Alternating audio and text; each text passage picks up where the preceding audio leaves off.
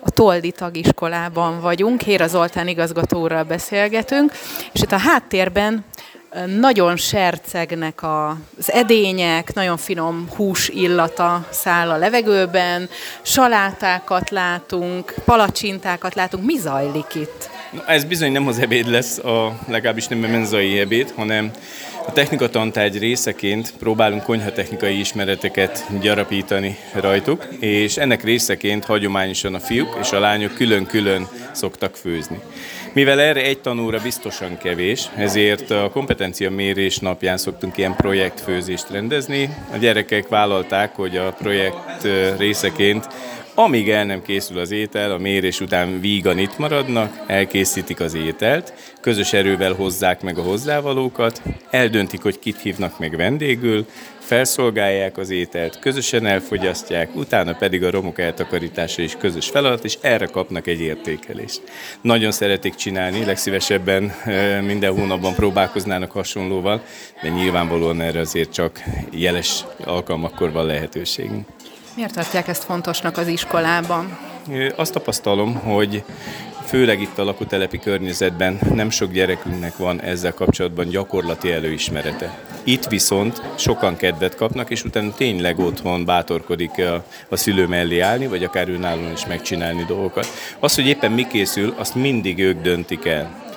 Ö, nyilván az infláció mindenkit érint, ezért arra is tekintette vagyunk, tehát itt nem hétfogásos dolgokról beszélünk, de például ez a csapat, aki ma főz, a hatodik áosztályos fiúk, ők készítenek egy íroszos húsételt, hozzá salátát készítettek öntettel, valamint hasábkrumplit is sütnek, mert az szinte mindig része a választásnak, annyira szeretik a legények, és egy kis palacsintával zárják majd a napot mind ők készítik el, mind ők sütik meg. Arra szoktunk ügyelni, hogy a balesetvédelem az persze a helyére kerüljön a legeslegelején, mindig megbeszéljük, hogy ki kezdi el, de az mindenkinek feladata, hogy ő is vegyen részt, és valamilyen folyamatban az ő keze munkáját tegyék a többiek.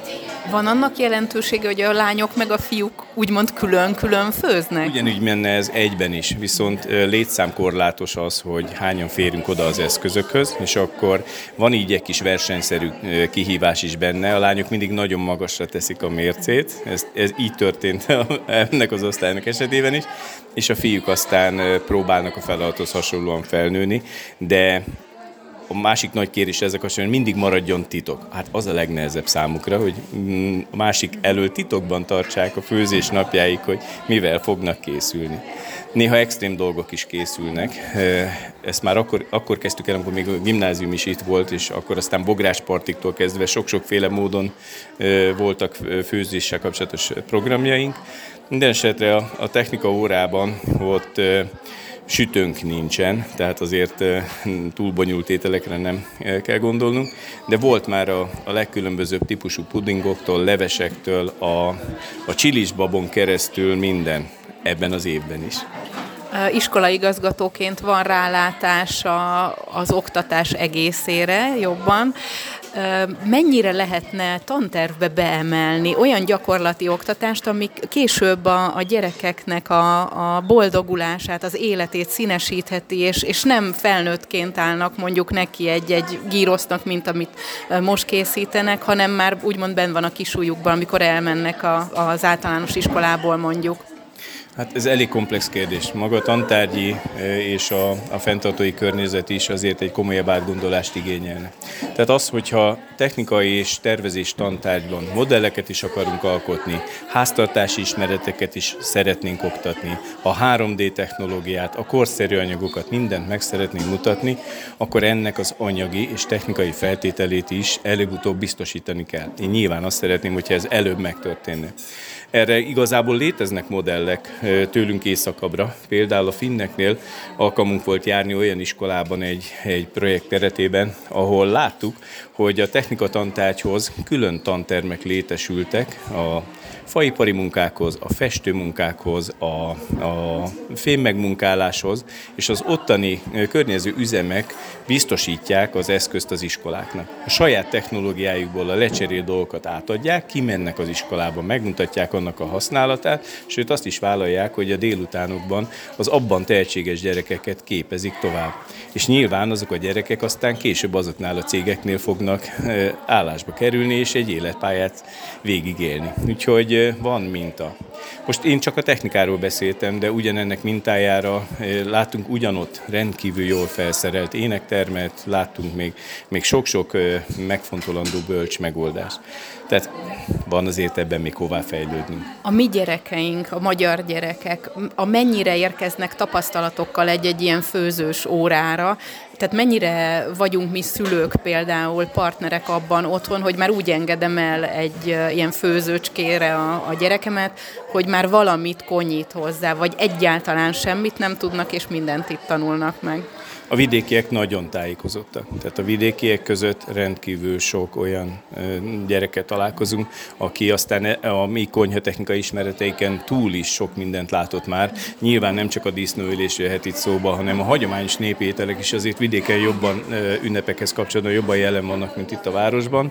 Városi gyermeknél találkoztam idén is olyannal, aki életében nem pucolt és nem szeletelt hagymát.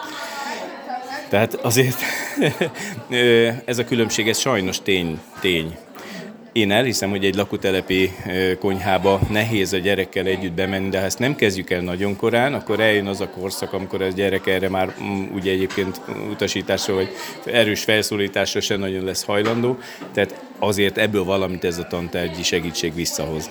És nyilván a vidékieknek ott van a háztáji kiskert is, jó esetben, mert ugye most már nagyon sok helyen inkább gyeppel vagy ne adj Isten gazdal találkozunk, hogyha áthajtunk egy-egy falun, és hát lehet, hogy ez lesz akkor a következő lépés, hogy akár egy kis kertel is bővülhetnek az iskolák, nem? Igen, én emlékszem rá, hogy a pályám kezdetén, amikor még a, a Taszári általános iskolában tanítottam, akkor ott volt lehetőségünk B változatú technika tantárgy keretében kiskertet művelni, és ott valóban tudtunk erre támaszkodni.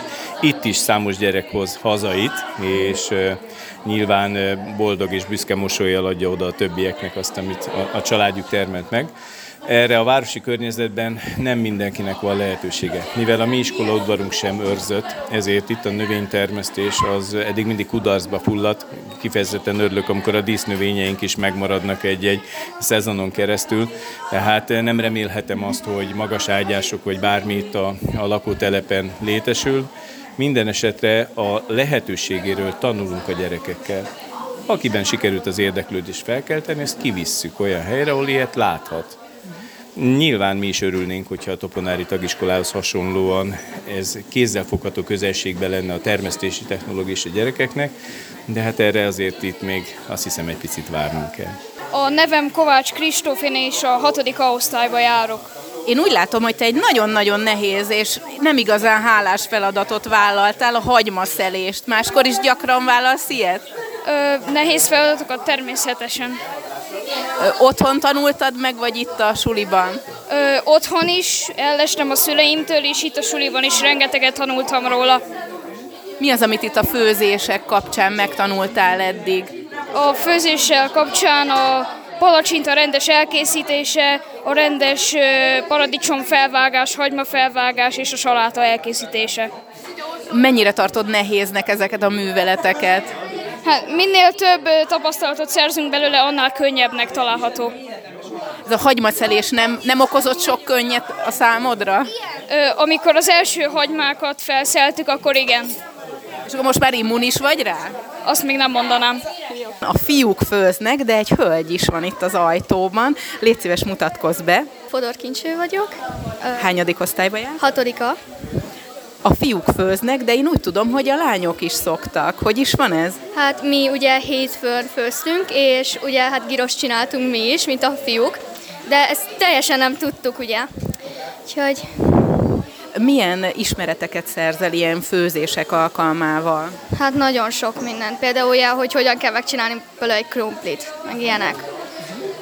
Otthon szoktál főzni a szülőkkel? Nagyon sokat, tényleg. És miket készít? Mi az, amit már önállóan el tudsz készíteni? Hát ilyen, hogy paprikás krumpli, meg uh, bableves, stb. Hát ilyeneket szoktam, meg spagettit is csináltam már. És ezeket teljesen önállóan el tudod készíteni? Hát igen, néha bele kell segíteni, de ah, igen, nagyon sokat. És szerinted a fiúk milyen ügyesek ebben a főzősdiben? Hát azért vannak bakik, de azért ügyesek. Ő Angyal Barnabás vagyok. Barnabás, mi az, amiből ma kivetted itt a részed a főzés kapcsán? Én a krumplit sütöm és sózom egyszerre. Mennyire jelent ez neked nagy kihívást? Máskor is szoktál ilyet készíteni otthon? Otthon nem szoktam, de itt most örülök, hogy csinálhatok ilyet, és annyira meglepően nem nehéz. Egy fiatal ember kezében látok itt fakanalat. Mi készül éppen? Léces, mutasd be, hogy mi készül, és te is mutatkozz be. Én Balázs István vagyok, és girosz hús készítünk, mivel az iskolában Zoli bácsi kitalált egy olyat, hogy különböző nemű csoportok főzni fognak. Mennyire jelent neked problémát az, hogy főzni kell, vagy szoktál otthon is? Hát nem szoktam otthon főzni, segíteni ritkán. Először próbálom ezt, de igazából nem okoz nagy gondot.